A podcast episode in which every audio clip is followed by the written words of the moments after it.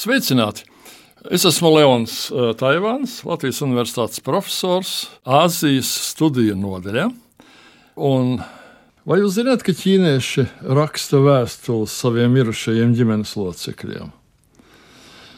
Ja jūs nezināt, tad es aicinu jūs uz pastaigā pa vienu no ķīniešu kapsētām, kas atrodas ne pašā Ķīnā, bet Manilā, kas ir Filipīnu galvaspilsēta. Ķīnieši gadsimtiem dzīvo ārpus Ķīnas, īpaši tuvējās zemēs, un viņi ir ārkārtīgi interesanti arheologiem un vēsturniekiem, ja viņi glabā ļoti senas tradīcijas, kuras daļai ir pazudušas jau Ķīnā. Šis rajons Manilā, kur atrodas tā kapsēta, saucās Tondo. Tie ir kvartāli, kuros eh, kopš ļoti seniem laikiem eh, dzīvo izceļotāji no Ķīnas dienvidiem. Kapsētu apjož augsts mūrs, bet pie ieejas vārta vidū stāv ļoti raksturīgs ķīniešu templis, kurā vienlaicīgi mēs varam pagodināt ar savu klātbūtni kundzi, jeb konfūciju, kā viņi sauc Eiropā, Budu, krustā sisto Jēzu, viņa māte jauno Mariju, visas vienlaicīgi. Un šajā templī ir redzams, kā ir sajaukusies ķīniešu reliģiskā tradīcija ar to Romas katolisko kristietību, kas pastāv Filipīnu arhipelāgā. Iejot kapsētā, mēs atklāsim, ka tā nav kapu kopiņa, vecu koku pavēnī. Mēs nonākam rūpīgi plānotā dārgu mauzoleja pilsētā. Un šie mauzoleji drīzāk līdzinās tempļiem. Dažas no tiem grezno krusti uz ķīniešu pagodas stilā celtiem torņiem. Dažām kapvietām ir autostāvvietas, dušas kabīnes, televizori, leduskapji, dīvāni, kur apsēsties un mauzoleja lepnos vārtos ir iestrādāts pasta kastes, kurās tad var iemest vēstules, kas ir adresētas aizgājējiem.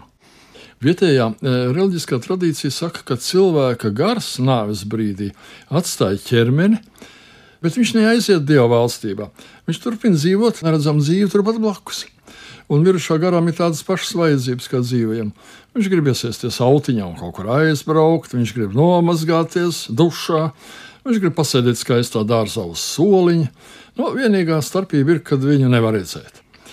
Nu, kad mēs ejam uz kapiem, mēs nesam uz turieni ziedus, kurus noliekam pie kapu kopiņas.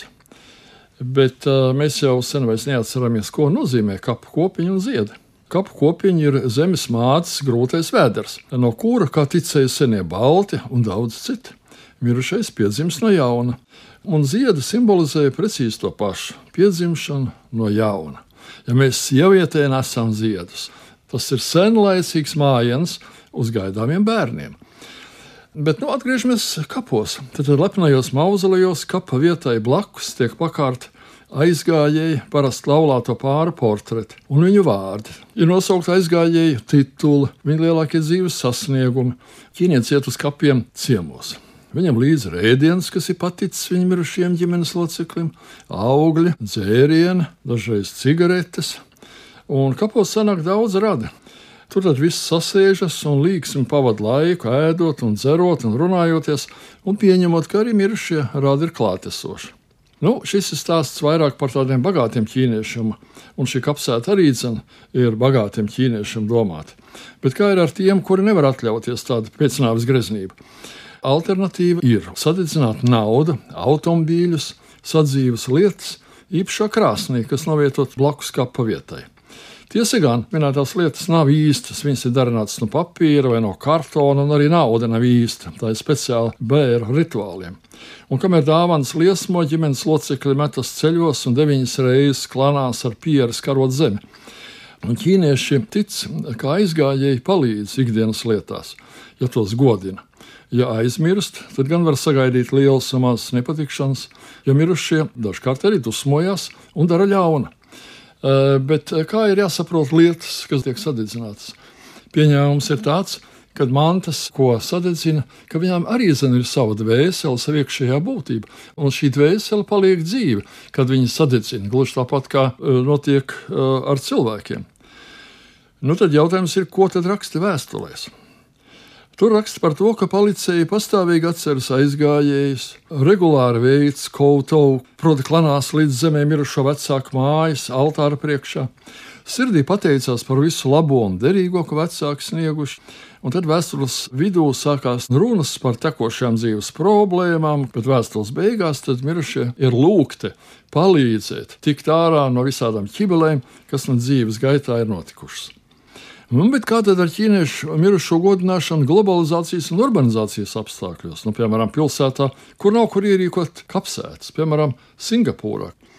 Te nu viens no interesantākajiem paņēmieniem, kā saglabāt savu senču un vecāku un vecvecāku piemiņu, ir kremēt viņus un tad ar īpašām tehnoloģijām šos pelnus pārvērst skaistos, spīdīgos kristālus kuras var iestrādāt kā auskars vai gredzenu atstiņu. Bet, nu, ja nozaudē tādu auskaru, tad es nozaudēju vecmāmiņu vai vectētiņu, kas nu gan ir nepiedodama lieta.